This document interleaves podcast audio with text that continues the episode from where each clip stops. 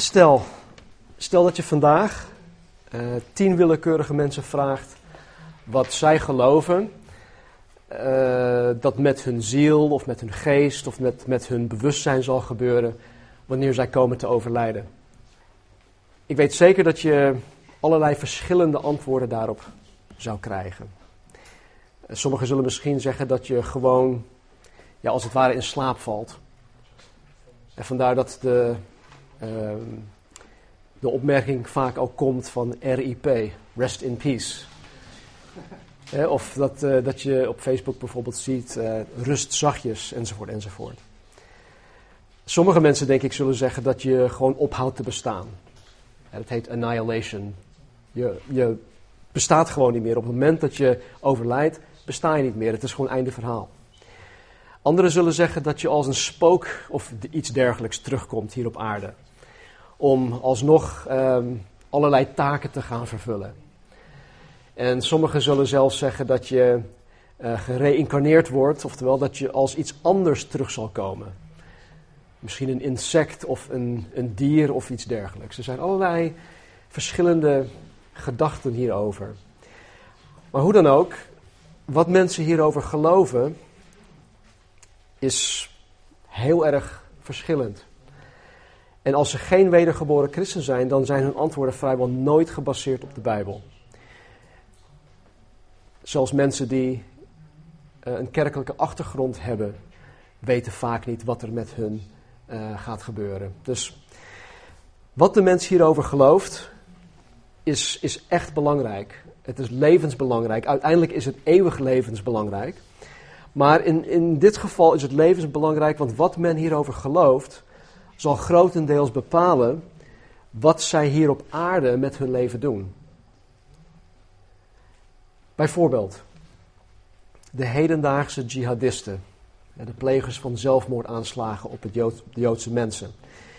Deze jihadisten worden beloofd dat wanneer zij als de ultieme martelaar sterven, in het paradijs beloond zullen worden met onder andere 72 maagden met donkere ogen. 72, dat is behoorlijk wat. Maar dat wordt hun echt beloofd. En dat, ze worden op die manier al van kleins af aan in hun zondagscholen worden ze geïndoctrineerd dat ze, dat ze als de ultieme martelaar sterven. Vooral om Joden te vermoorden door zelfmoordaanslag plegen te, te, te doen. Um, dan zullen ze onder andere, er zijn nog andere dingen die erbij horen, maar 72 maagden met donkere ogen. Dus wat, wat deze jihadisten geloven over wat met hun zal gebeuren na deze martelaarsdood, bepaalt wat zij hier op aarde met hun leven gaan doen. En in hun geval zal dat betekenen dat zij op een gegeven moment een zelfmoordaanslag tegen de Joden gaan plegen. Wat de mens echt gelooft over wat er uiteindelijk na de dood zal gaan gebeuren, en wat de voorwaarden zijn om datgene te krijgen, zal grotendeels bepalen hoe men hier op aarde leeft, welke keuze die maakt, enzovoort, enzovoort.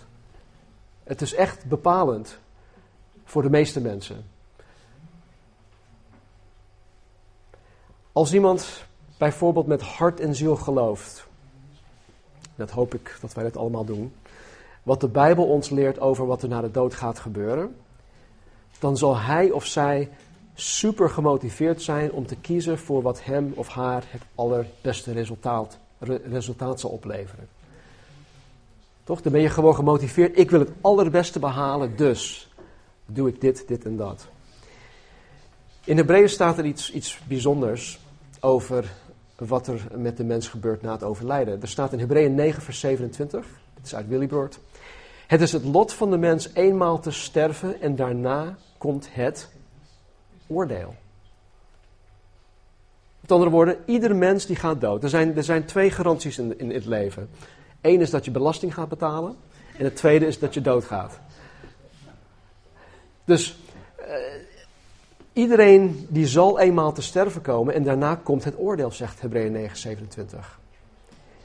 Ieder mens, of hij of zij nu wel of niet in de God van de Bijbel gelooft, zal na het sterven of bij de wederkomst straks van Jezus Christus door God, van, door, door God geoordeeld worden. En het maakt niet uit of je het nu wil of niet, of je er wel in gelooft of niet gelooft. We hebben zo vanmorgen ook gezongen. Eens zal elke tong u beleiden als Heer. Elke tong. En, de, en sommigen van ons die zullen zeggen, oh Heer, ik prijs uw grote naam, dank u wel dat u aan het kruis voor mij bent gegaan. Anderen zullen met knarsende tanden moeten beleiden dat hij Heer is. Dus iedereen zal door de God van de Bijbel geoordeeld worden. En de, criteria waarop het oordeel gebaseerd zal zijn, is voor iedereen, is voor iedereen hetzelfde. Het is voor iedereen hetzelfde. Nou, vanmorgen gaan we kijken naar het laatste schriftgedeelte in Matthäus 25, waarin Jezus ons leert over het laatste oordeel en dan heel specifiek over de mensen die bij zijn wederkomst op aarde levend zijn. Maar ondanks dat het voor echt specifiek over deze mensengroep, dat Jezus over deze mensengroep heeft, heeft het ook toepassing op ons. Ik geloof dat ik persoonlijk niet aanwezig zal zijn op dat moment, althans niet als degene die geoordeeld gaat worden. Maar de criteria waarmee ik, waarmee jullie geoordeeld gaan worden, is exact hetzelfde, op één punt na. Dat ene punt dat zal ik zo meteen nog toelichten. Laten we lezen vanaf Matthäus 25, 31. Matthäus 25, 31.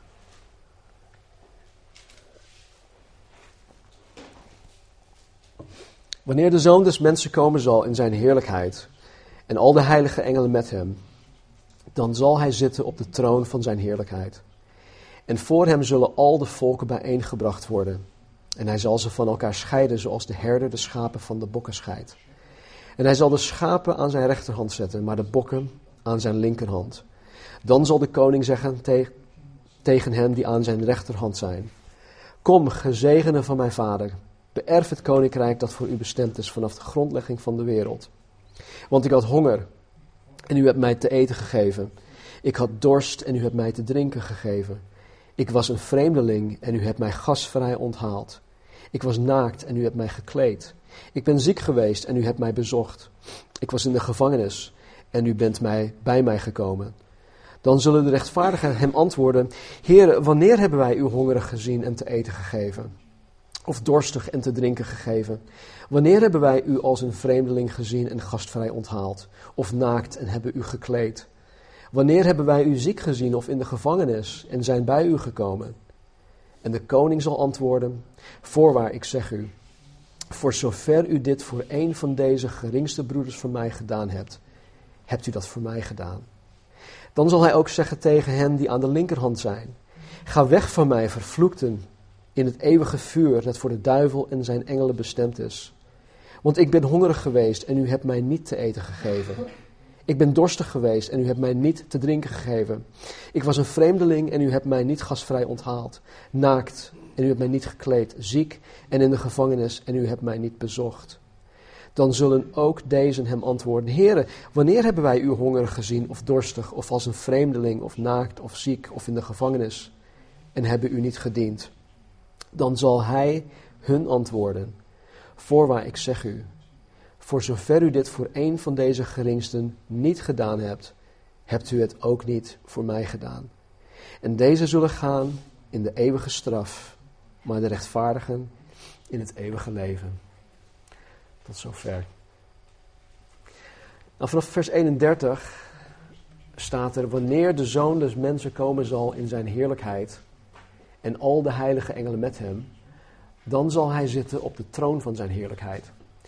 Jezus spreekt nog steeds in dit gedeelte over zijn wederkomst.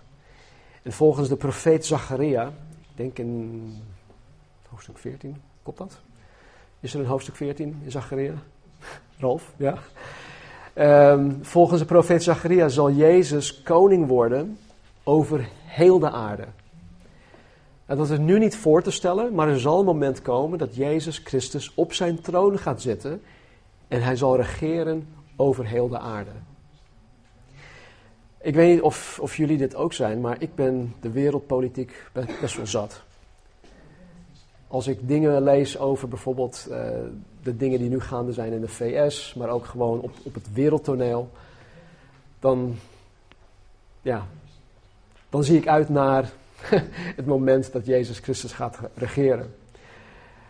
En er komt een heerlijk moment wanneer er in alle, in alle eerlijkheid wanneer er in alle oprechtheid en rechtvaardigheid en goedheid geregeerd zal gaan worden.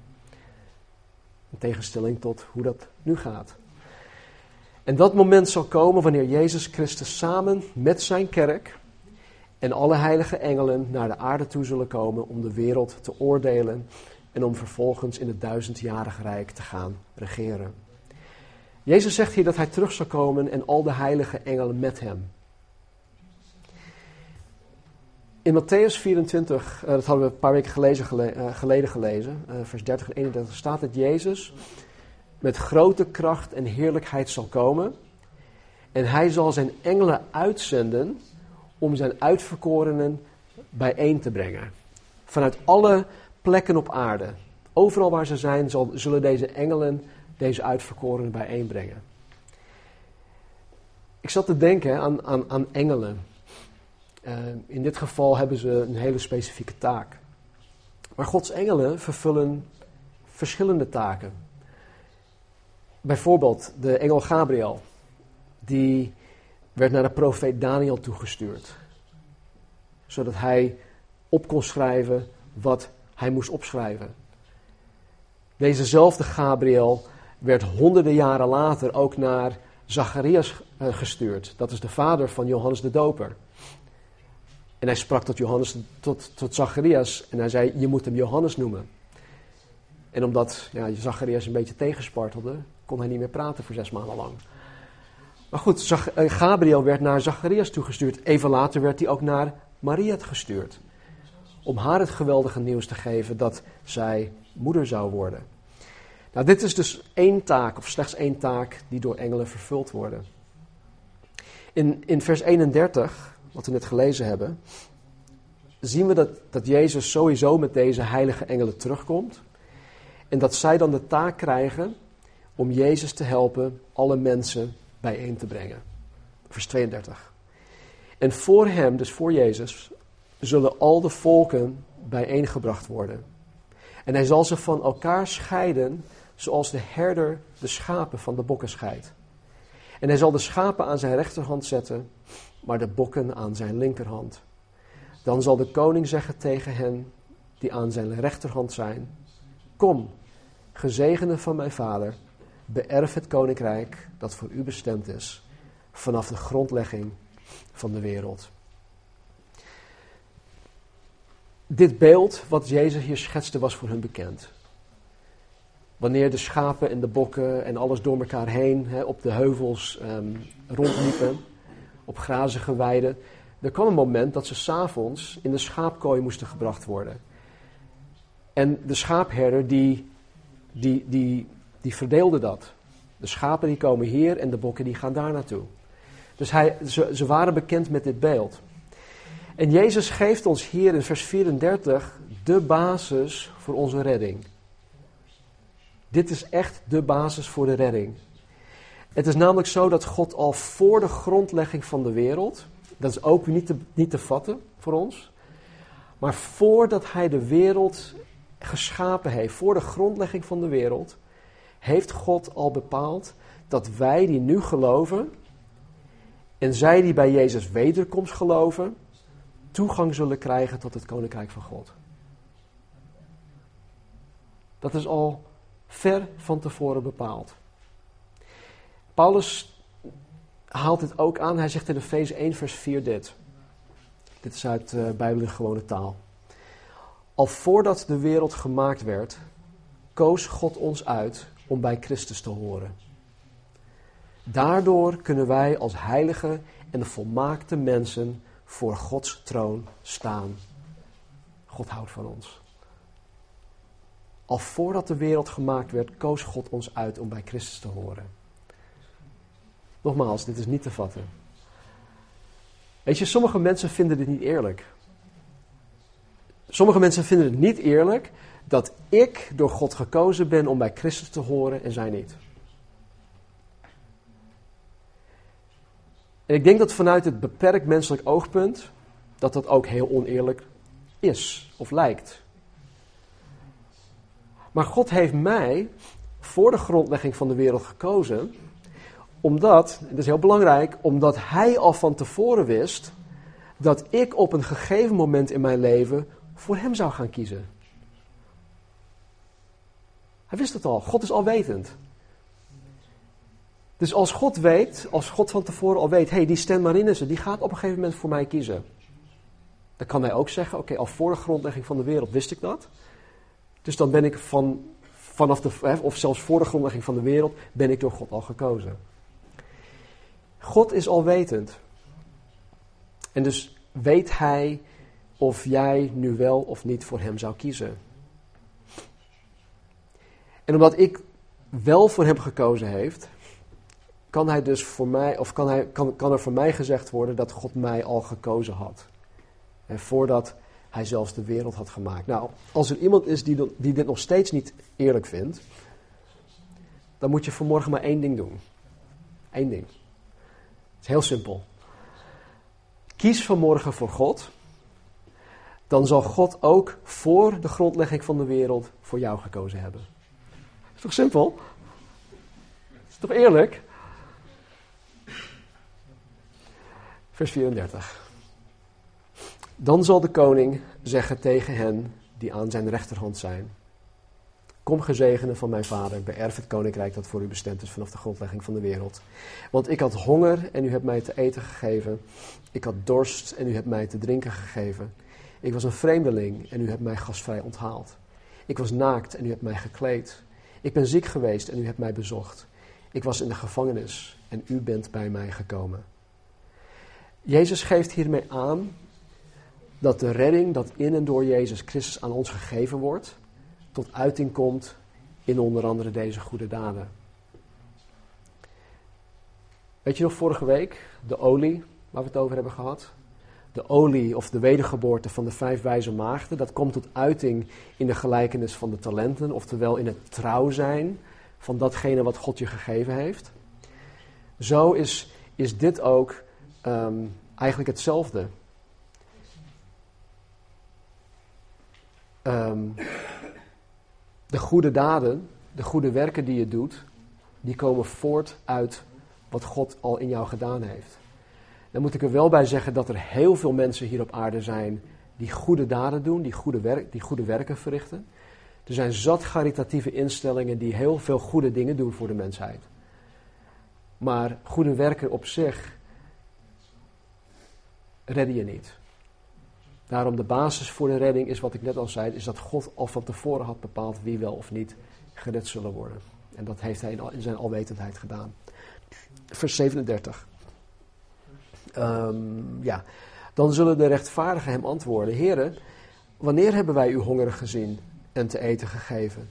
Of dorstig en te drinken gegeven? Wanneer hebben wij u als een vreemdeling gezien en gastvrij onthaald? Of naakt en hebben u gekleed? Wanneer hebben wij u ziek gezien of in de gevangenis en zijn bij u gekomen? Jezus noemt degene aan zijn rechterhand de rechtvaardige. Dat vind ik wel mooi. Als ik in de spiegel kijk, dan ben ik niet rechtvaardig. Als ik naar jullie kijk, idem dito. Maar weet je, God ziet mij, ziet ons door de bril van Jezus Christus heen en hij ziet ons als 100% rechtvaardig. En het is absoluut niet zo dat deze in dit verhaal rechtvaardiger genoemd worden omdat zij deze goede daden hebben verricht. Nee, door hun geloof in Jezus Christus hebben zij een rechtvaardige status gekregen. Dat wel mooi hè? Ik heb een rechtvaardige status. Dat betekent gewoon, ik ben vrij, vrijgesproken. Ik ben vrijgesproken. En wat voor hun geldt straks, geldt ook voor ons. Dat geldt ook voor mij. Wij die nu navolgers zijn van Jezus Christus. In Handelingen 13 staat er iets moois. Ehm, er staat, mannenbroeders, dit moet u goed weten. Wij verkondigen dat uw zonden dankzij Jezus vergeven worden. En dat ieder die gelooft dankzij Jezus vrijgesproken wordt of gerechtvaardigd wordt van alles waarvoor de wet van Mozes u alleen maar kon veroordelen. Er werd een uh, paar weken geleden op de woensdagavond gevraagd, uh, als je het evangelie met mensen deelt, hoe zou je het beste uh, het probleem ten eerste neer kunnen leggen? En want je hebt, goed, je hebt het goed nieuws, je hebt het evangelie. Maar het goed nieuws betekent niet veel tenzij je eerst een probleem hebt. En dat is eigenlijk de achterliggende gedachte met alle marketingcampagnes en, en, en reclamespotjes en dergelijke. Je hebt vuile was. En wat doet Ariel? Die maakt je was schoon. Toch? je, je, hebt, je hebt hoest. En dan hebben ze een hoestdrankje voor. Nou goed, dus een probleem en een oplossing. En wanneer we het evangelie met mensen delen, is het goed om het probleem goed neer te, neer te zetten. En het probleem is dat de wet mensen alleen maar kan veroordelen. Stel iemand maar de vraag: heb jij ooit gelogen in je hele leven? Ja of nee? Ja, oké, nou. Wat, wat, wat noem je iemand die, die liegt? Ja, leugenaar. Oké, dus jij zegt nu dat jij een leugenaar bent. Ja, oké. En dan ga je verder. Heb jij ooit um, um, overspel gepleegd? Nee. Nou, heb jij als man zijn ooit wel met lust naar iemand gekeken, naar een andere vrouw, waarvan je dacht van, hé, hey, uh, ja. Weet je, en, en als, je, als je op die manier dan een probleem neerlegt, dan kom je met de oplossing dat Jezus Christus daar je van, daar, daar je, uh, uh, van kan, kan verlossen, vergeven, enzovoort, enzovoort. Is dat, is dat goed? Het werkt niet altijd, want je, ja, veel mensen die worden gewoon boos. Als je, hun, als je tegen hen zegt dat ze zondaar zijn of dat ze fouten maken of wat dan ook. Maar het is goed om in ieder geval wel eerst de, um, um, het probleem neer te zetten. Nou, door deze rechtvaardige status ziet God mij, ziet God jullie, alsof je A. geen erfzonde hebt geërfd van Adam. Dat is ook een probleem. En B. alsof je zelf nooit gezondigd hebt. Door deze rechtvaardige status ziet God mij alsof ik nooit gezondigd heb. Dat is toch wat? Het is nu alleen aan mij om mijn, mijn, mijn geweten te laten reinigen door God. Om die schuldgevoelens weg te laten, laten nemen door God. Want positioneel ben ik 100% vrijgesproken. Positioneel ben ik 100% rechtvaardig. Maar soms wandel ik nog steeds rond of loop ik nog steeds rond met schuldgevoelens. En God wil niet dat wij met die schuldgevoelens rondlopen, dat wij ondergebukt gaan door schuld. En dat is het geweldig nieuws, dat is het goede nieuws, dat is het evangelie. En dit heeft Jezus voor ieder mens gedaan. En het enige dat je hoeft te doen is een bewuste keus voor Hem te gaan maken. In je hart en je leven onvoorwaardelijk aan Hem te geven. Nou, de reactie van deze rechtvaardige waar Jezus het nu over heeft, lijkt mij logisch. Toch? Want Jezus was zelf niet op aarde. Dus hoe zouden zij al deze goede daden aan Jezus zelf verricht kunnen hebben? Maar de koning in vers 40 zegt, uh, zegt dit. Hij zegt, um, voorwaar, ik zeg u, voor zover u dit voor een van deze geringste broeders voor mij gedaan hebt, hebt u dat voor mij gedaan. Jezus heeft het hier over het goed doen jegens een van deze geringste broeders van hem. Nou, over wie heeft hij het nou? Heeft hij het over zijn halfbroers? Judas, Jacobus? Ik denk het niet. Kan zijn dat hij het over zijn Joodse broeders heeft, die aan het einde van de uh, uh, grote verdrukking nog leeft, nog leven kan ook zijn dat hij het over alle gelovigen heeft die door de grote verdrukking heen um, aan het einde nog levend zijn. Dus over wie heeft hij het? Nou, in Matthäus uh, 12, vers 49 en 50 staat dit. Dit is ook uit Willibrord. Met één gebaar naar zijn discipelen doet, zei Jezus dit. Kijk, hier zijn mijn moeder en mijn broers. Want wie de wil doet van mijn Vader in de hemel, die is mijn broer en zuster en moeder. Op dit moment was Jezus bezig, hij was bij iemand thuis, hij was daar aan het onderwijzen. En Maria, de moeder, en zijn, en zijn halfbroers en, en zus, die kwamen dan naar hem toe. En die wilden per se met Jezus praten. En de discipelen zeiden, of een van de discipelen zei, Jezus, kijk, je moeder is er. Waarop Jezus dit, dit antwoord geeft. Kijk, hier zijn mijn moeder, mijn broers en mijn zussen. Want wie de wil van de Vader doet in de hemel, die is mijn broer en zuster en moeder. Dus Jezus herdefinieert familie. Dit is, dit is voor mij, dit is voor mij heel, heel belangrijk. Het is voor jullie ook goed te weten. Weet je, voor, voor mij, ik ben, ik ben Indisch, hè? ik ben Indisch opgegroeid. En uh, in, een, in het Engels is er een gezegde dat, uh, dat gaat als volgt. Uh, blood is thicker than water. Dat betekent dat bloedverwanten nog nauwer zijn, met elkaar zijn verbonden dan, dan wat dan ook. En in, in de Oosterse cultuur is familie gewoon alles. Je doet alles voor je familie. Je hebt alles over voor je familie. Maar Jezus, die, die, die, die gooit het als het ware gewoon even, die veegt het van tafel en zegt: nee, dat is het niet meer. Familie is nu dit. Degene die, die, de, die de wil van mijn vader in de hemel doet, dat zijn mijn broers en zussen. Dus Jezus herdefinieert familie en de familiebanden. En moet, je moet eerlijk zijn, ik heb met sommige mensen in het, in het lichaam van Christus, met mijn geestelijke broers en zussen, heb ik een nauwere band dan met mijn vlees- of bloedverwanten. En dat is omdat ik geloof, omdat de Heilige Geest ons één maakt. En ik wil niet, niets afdoen van mijn familie. Ik hou van mijn familie, ik weet ook dat mijn familieleden van mij houden, maar er is een heel andere dynamiek dat speelt in het lichaam, in, het, in de familie van Jezus Christus. In Hebreeën 2, vers 11 staat dit. Jezus, die de mensen aan God wijdt, en dat zijn wij, en allen die door Jezus aan God gewijd worden, hebben dezelfde Vader. Ja, dus Jezus en wij hebben dezelfde Vader, dat is God de Vader. Daarom schaamt Jezus zich, er ook niet voor ons zijn broers te noemen. Jezus schaamt zich er niet voor om mij zijn broer te noemen. Ik, heb, ik, heb, ik ben niet opgegroeid met, met broertjes hè, of, of iets dergelijks. Mijn broertjes zijn allemaal 14, 15 en 16 jaar ouder dan, dan, dan ik ben. Dus ik ben een nakomertje. Maar ik kan, me, ik kan me wel eens voorstellen dat als jij als ouder, oudere broer misschien een broertje had die misschien twee of drie jaar jonger was dan jij, dat je je, dat je, je zou kunnen schamen voor je broertje. In sommige sociale kringen. Ik weet het niet hoor, op een schoolplein of wat dan ook.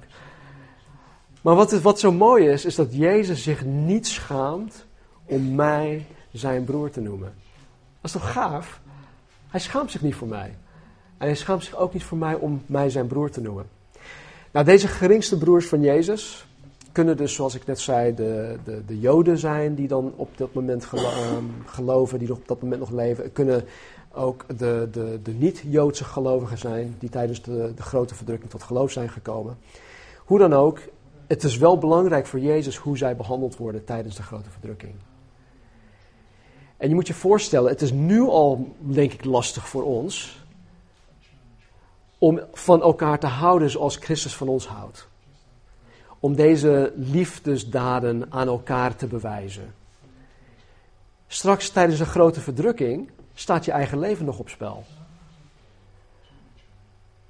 Weet je, en toch zijn, zullen er mensen zijn die naar elkaar om gaan zien tijdens de grote verdrukking. Die hun eigen leven op het spel zetten om iemand te drinken te geven, om iemand wat eten te geven, om iemand een jas te geven, om iemand ergens op te zoeken. En Jezus stelt dat zeer op prijs. Ik vind het ook zo mooi hoe nauw Jezus zich verbonden voelt met zijn discipelen, met zijn navolgers, met zijn broeders en zusters. Ja, jullie, jullie weten het vast wel. Nog voordat de apostel Paulus tot bekering kwam, vervolgde hij christenen. Hij stond erbij toen de eerste martelaar gestenigd werd, dat was Stefanus. Hij stond erbij, hij hield de, de mantels van degene die de stenen gooiden, hij hield hun mantels vast. Hij dreigde christenen met moord. Hij heeft velen in de gevangenis gestopt. En toen hij onderweg was naar Damascus toe om daar de christenen gevangen te nemen, kwam Jezus vanuit de hemel naar hem toe en hij, hij, hij, hij verscheen aan, aan, Paulus om hem tegen te houden en om, om Paulus op dat moment tegelijkertijd te roepen tot zijn dienst. En er staat in Handelingen 9, vers 4 en 5 dit. Hij, dus Paulus of Saulus, liet zich op de grond vallen en hoorde een stem. En de stem was dit: Saul, Saul, waarom vervolg je mij? En Saul zei: Wie bent u, Heer? En de stem zei: Ik ben Jezus, degene die jij vervolgt.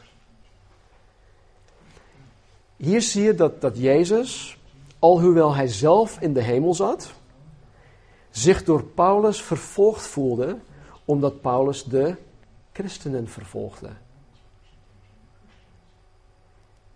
En zo ook hier in Matthäus laat Jezus zien dat of je nu goed of slecht doet jegens de zijne, hij het zeer persoonlijk opvat.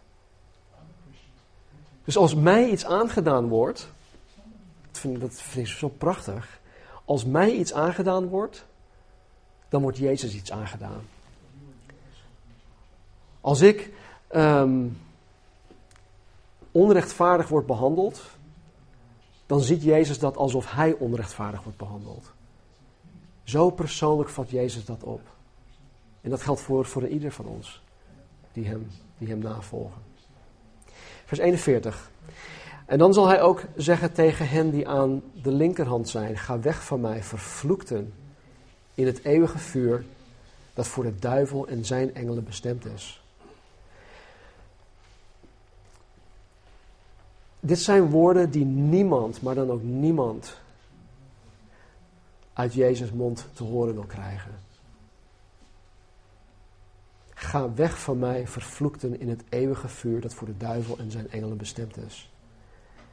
Want net zolang, of net zoals het eeuwig leven definitief is, is ook de eeuwige straf definitief. Als die vonnis eenmaal gekomen is, dan staat dat voor eeuwig vast. En je kan niet in hoger beroep gaan. En want er staat niemand boven Jezus. En Jezus zegt tegen hun dat zij weg moeten gaan. Oftewel, hij wil hun niet meer zien. Ik heb dat wel eens gehad. Dat ik zo verbolgen was door iemand. Joh, ga weg, ik wil je niet eens zien. En dat Jezus dat dan moet zeggen. Ga weg van mij. Hij zegt: ga in het eeuwige vuur. Oftewel, ga naar de hel dat voor de duivel en zijn engelen bestemd is. We lazen net in vers 34 dat de mens al voor de grondlegging van de wereld bestemd is voor Gods koninkrijk. Hier lezen wij dus niet dat de mens bestemd is voor het eeuwige vuur, de hel. Nee, God wil absoluut niet dat de kroon van zijn schepping, de mens, voor eeuwig vervloekt en gestraft zal worden. God wil dat absoluut niet. En God heeft dus ook alles aan gedaan om mensen de gelegenheid te geven, geven om het eeuwige vuur, de eeuwige straf te ontkomen. Hij heeft zijn eigen zoon gegeven.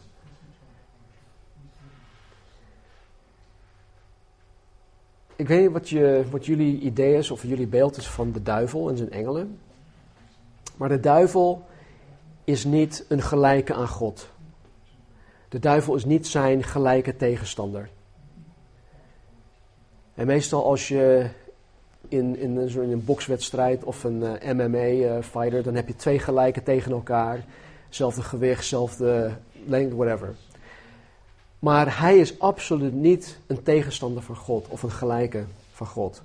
De duivel en zijn engelen zijn, zijn Gods schepselen. God heeft hun geschapen. En de duivel is een gevallen, gevallen engel. En ook zijn engelen zijn gevallen engelen.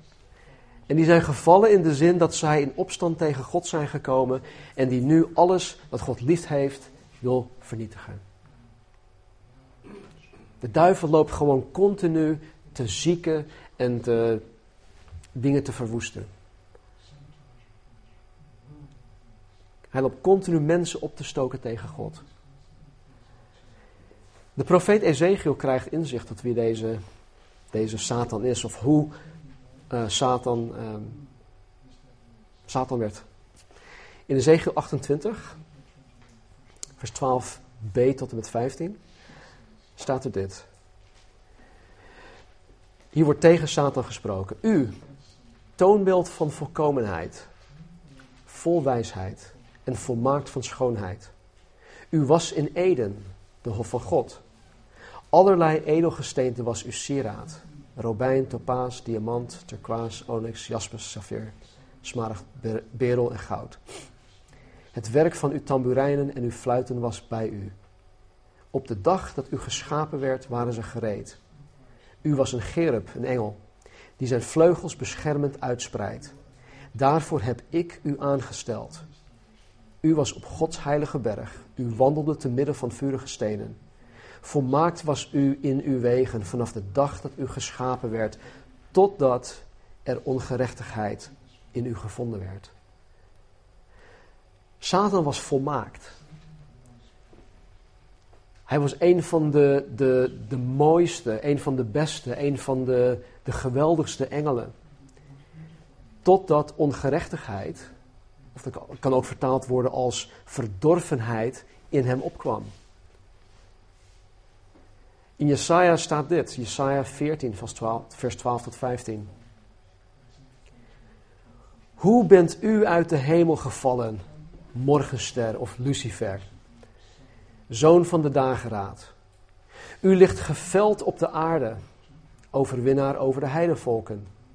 En u zei in uw hart, ik zal opstijgen naar de hemel, tot boven Gods sterren zal ik mijn troon verheffen. Ik zal zetelen op de berg van de ontmoeting aan de noordzijde. Ik zal opstijgen boven de wolkenhoogten. Ik zal mij gelijkstellen met de Allerhoogste. Echter, u bent in het rijk van de dood neergestort, in het diepst van de kuil. Hier zien we die verdorvenheid en trots in Satan tot uiting komen. Hij zegt tot vijfmaal toe wat hij zal doen. En dit wordt in theologische termen uh, genoemd de ik zal statements. De I will statements van Satan. En tot vijfmaal toe zegt hij dus ik zal. Ik zal opstijgen naar de hemel. Tot boven Gods sterren, boven Gods engelen, zal ik mijn troon verheffen. Ik zal zetelen op de berg van de ontmoeting aan de noordzijde. Ik zal opstijgen boven de wolkenhoogten. Ik zal mij gelijkstellen met de Allerhoogste. Dat was zijn, zijn, his fall. Zijn verdoemenis. En in openbaring krijgt Johannes ook te zien wat, er, wat daar gebeurde. In openbaring 12, vers 3 en 4 en ook 7 tot en met 9. Ik vind het wel, ik vind het wel bijzonder dat, dat Johannes hier gewoon iets over te zien krijgt. Er staat, er verscheen een ander teken in de hemel. Een grote vuurrode draak met zeven koppen en tien horens. En op zijn koppen zeven diademen, dus eh, zeven kronen. En zijn staart veegde het derde deel van de sterren van de hemel en wierp die op de aarde. Nou, zoals er in dat andere gedeelte, de sterren vertegenwoordigen de engelen. En ook hier vertegenwoordigen de sterren engelen. En hier ziet Johannes dat Satan een derde deel van de engelen met zich mee heeft gekregen om zijn eigen token te starten. Hij heeft gewoon een derde deel van alle engelen zo kunnen beïnvloeden dat hij, die een, dat hij een derde deel van alle engelen gewoon meekreeg. Wat een invloed.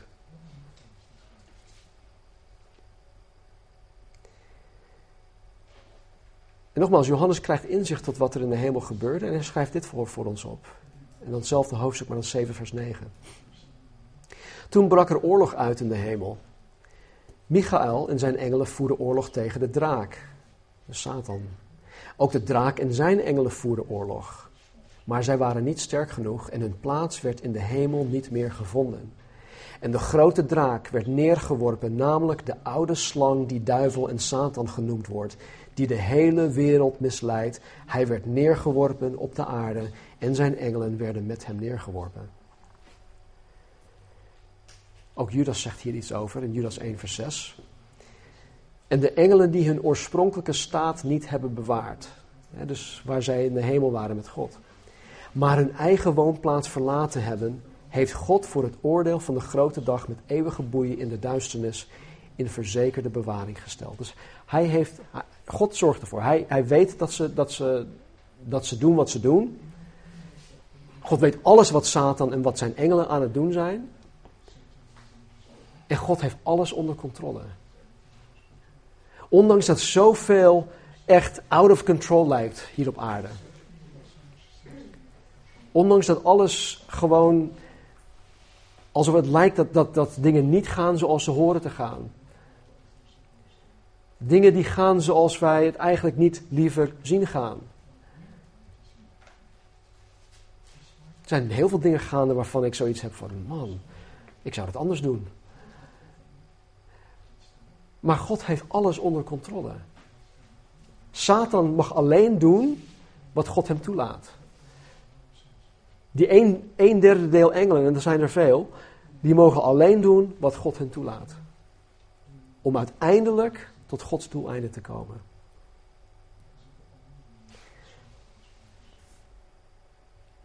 En al ver voordat God de mens had geschapen, had God reeds bepaald dat Satan en zijn gevallen engelen voor eeuwig gestraft zouden gaan worden. Al voordat de mensen geschapen werden, Adam en Eva, werd reeds bepaald dat Satan en zijn gevallen engelen voor eeuwig gestraft zouden worden. De hel is dus nooit bedoeld geweest voor de mens. De hel is nooit bedoeld geweest voor de mens. De mens moet letterlijk over Jezus Christus heen stappen om in de hel terecht te komen.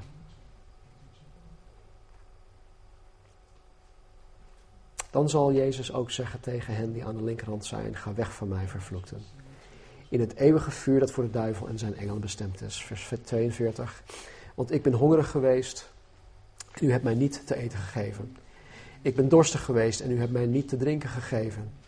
Ik was een vreemdeling en u hebt mij niet gastvrij onthaald. Naakt en u hebt mij niet gekleed. Ziek en in de gevangenis en u hebt mij niet bezocht. Dan zullen ook deze hem antwoorden: Heere, wanneer hebben wij u hongerig gezien of dorstig? Of als een vreemdeling of naakt of ziek of in de gevangenis en hebben u niet gediend? Dan zal hij hun antwoorden: Voorwaar ik zeg u, voor zover u dit voor een van deze geringsten niet gedaan hebt, hebt u het ook niet voor mij gedaan.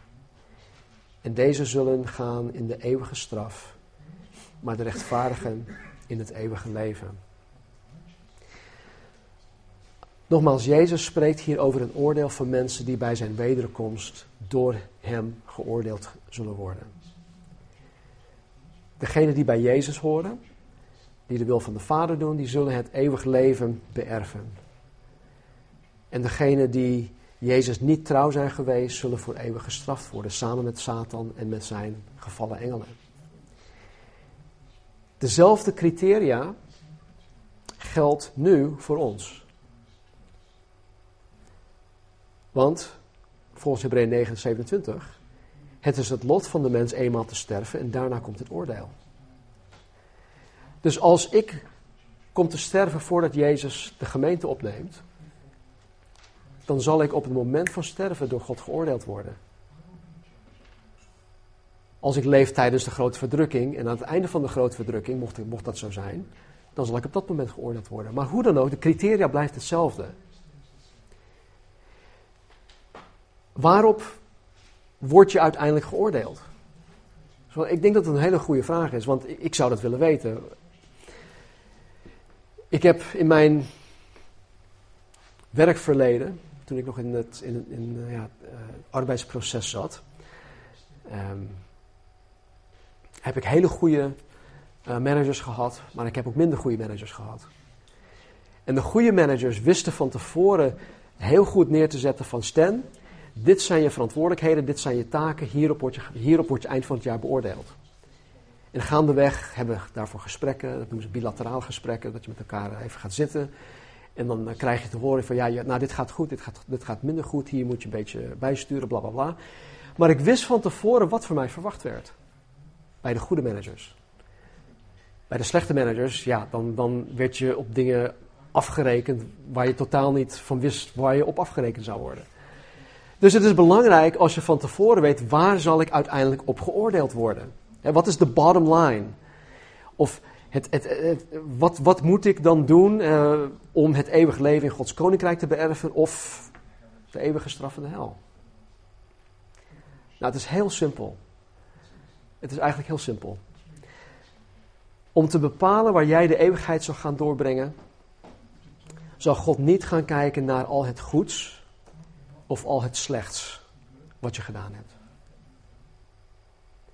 Het is al het slechte wat ik tot mijn bekering gedaan heb, dat is allemaal, dat is allemaal kwijtgescholden. Dat is allemaal vergeven. Ik ben daar, daarvoor vrijgesproken. Al het slechte wat ik tot op de dag van vandaag heb gedaan, daar zal God niet meer, uh, hij zal mij daar niet voor verantwoordelijk, um, uh, tot verantwoordelijkheid roepen. Dus alles wat ik goeds en slechts gedaan heb, dat, dat is niet aan de orde. Nee, uiteindelijk zal Gods besluit worden genomen op basis van wat ik, wat jij met Jezus Christus gedaan hebben. Wat hebben jullie met Jezus Christus gedaan? Weet je nog, uh, Pontius Pilatus, die zegt, joh, ik was mijn handen hiervan. Ik wil er niks mee te maken hebben. Maar ondanks dat hij er niks mee te maken wilde hebben, bevond God hem schuldig. Dus door niet te kiezen heb je eigenlijk al gekozen. Er is geen Zwitserland in dit gebied of op dit gebied. Er is geen neutraal gebied. Je kan niet zeggen van joh, ik kies niet voor God of ik kies niet tegen God. Als je niet voor, niet voor God hebt gekozen, dan kies je per definitie tegen God. Dus wat heb je met Christus gedaan? Wat heb je met Jezus gedaan? Heb je Jezus Christus serieus genomen? Heb je in Hem geloofd zoals het in de Bijbel staat? En het is niet alleen hier geloven van ja, natuurlijk geloof ik. Want over de demonen, de gevallen engelen, staat ook in, een van de brieven van Petrus. Zelfs de demonen geloven in Jezus Christus en sidderen. Weet je, dus het is niet een kwestie van hier geloven. Nee, het is een kwestie van geloven in Jezus aanhangen en, en Hem navolgen en jezelf onvoorwaardelijk aan Hem geven. Dat betekent, dat bedoelt Jezus met geloven. Heb je Jezus Christus nagevolgd? Heb je Jezus gehoorzaamd? heb je jezelf onvoorwaardelijk aan Hem gegeven. Ik denk dat God mij in ieder geval maar één vraag gaat stellen. Ik weet precies hoe dat zal gaan hoor, maar ik, ik heb zo vermoeden dat het alleen maar om Jezus Christus zal gaan draaien. En hoe ik op, op Jezus Christus heb gereageerd. Wat heb ik met Jezus gedaan? En daar komt het uiteindelijk op neer. Wat hebben jullie in dit leven met Jezus Christus gedaan. Laten we bidden. Hemelse Vader, dank u wel dat u um, uw woord hebt gegeven. Dank u wel dat u Matthäus daartoe hebt geïnspireerd om het allemaal voor ons vast te leggen. En dank u wel, Jezus, dat u er nooit um, doekjes omheen hebt gewonden. Maar dat u gewoon heel streed bent geweest met ons. Om ons te laten weten voor welke keus wij staan. En wat ons te wachten staat. Aan de hand van de keuze die we maken. Dus Heer, ik bid voor ieder van ons, Heer, dat wij. Heer, dat wij de juiste keuze maken.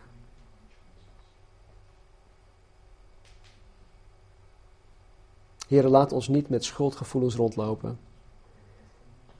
Help ons, Heer, om onszelf aan U te geven en wetende, Heer, dat wij dan vrijgesproken zijn. En niet alleen juridisch gezien, niet alleen positioneel gezien, maar Heer, neem alstublieft alle schuldgevoelens van ons weg. Satan wordt ook de aanklager van de broeders genoemd. Heren, snoer, snoer hem de mond, heren. Laat ons niet geloven in de leugens die hij ons vertelt. Die hij in ons oor influistert. Help ons, heren, om op Jezus Christus te zien, de leidsman en voleinder van het geloof. Help ons, Heer, om, om ja, onszelf te verloochenen. Om ons kruis op te nemen, om Jezus na te volgen. Koste wat kost. Heer, niemand, maar dan ook niemand, zou deze woorden moeten horen, Heer, dat wij vervloekt zijn, dat wij weg moeten gaan uit Jezus' aanwezigheid. Dat Jezus ons wegstuurt, Heer, naar het eeuwige vuur. Maar Heer, laat in ieder van ons, Heer, ook degene die er vanmorgen niet bij kunnen zijn, Heer, onze geliefden, laat in ieder van ons de woorden krijgen te horen, Heer, gezegende van mijn Vader.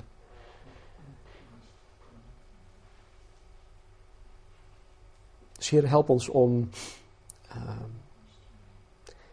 ons eigen leven te inventariseren. Help ons om ons leven vervolgens aan u neer te leggen. Help ons, Heer, om touwtjes uit handen te geven aan u. Help ons, Heer, om um, ja, u de controle uh, te geven, Heer, over ons leven. Zodat u bepalen zal wat wij met ons leven zullen doen.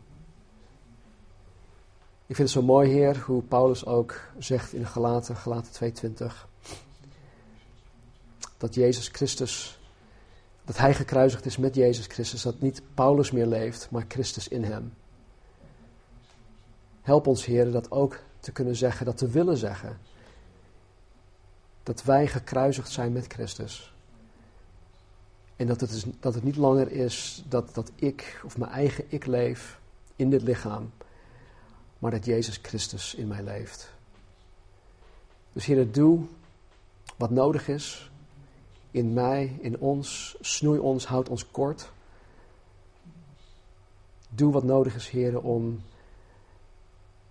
om, ja, om zeker te stellen dat wij uiteindelijk bij U zullen komen en dat wij U toebehoren. En help ons, Heer, om ook de vruchten daarvan te dragen. Help ons, Heer, elkaar lief te hebben zoals U ons lief heeft. Help ons, Heer, om getuigen te zijn naar de wereld om ons heen. Om zoveel mensen, Heer, met ons mee te nemen. De heerlijkheid in.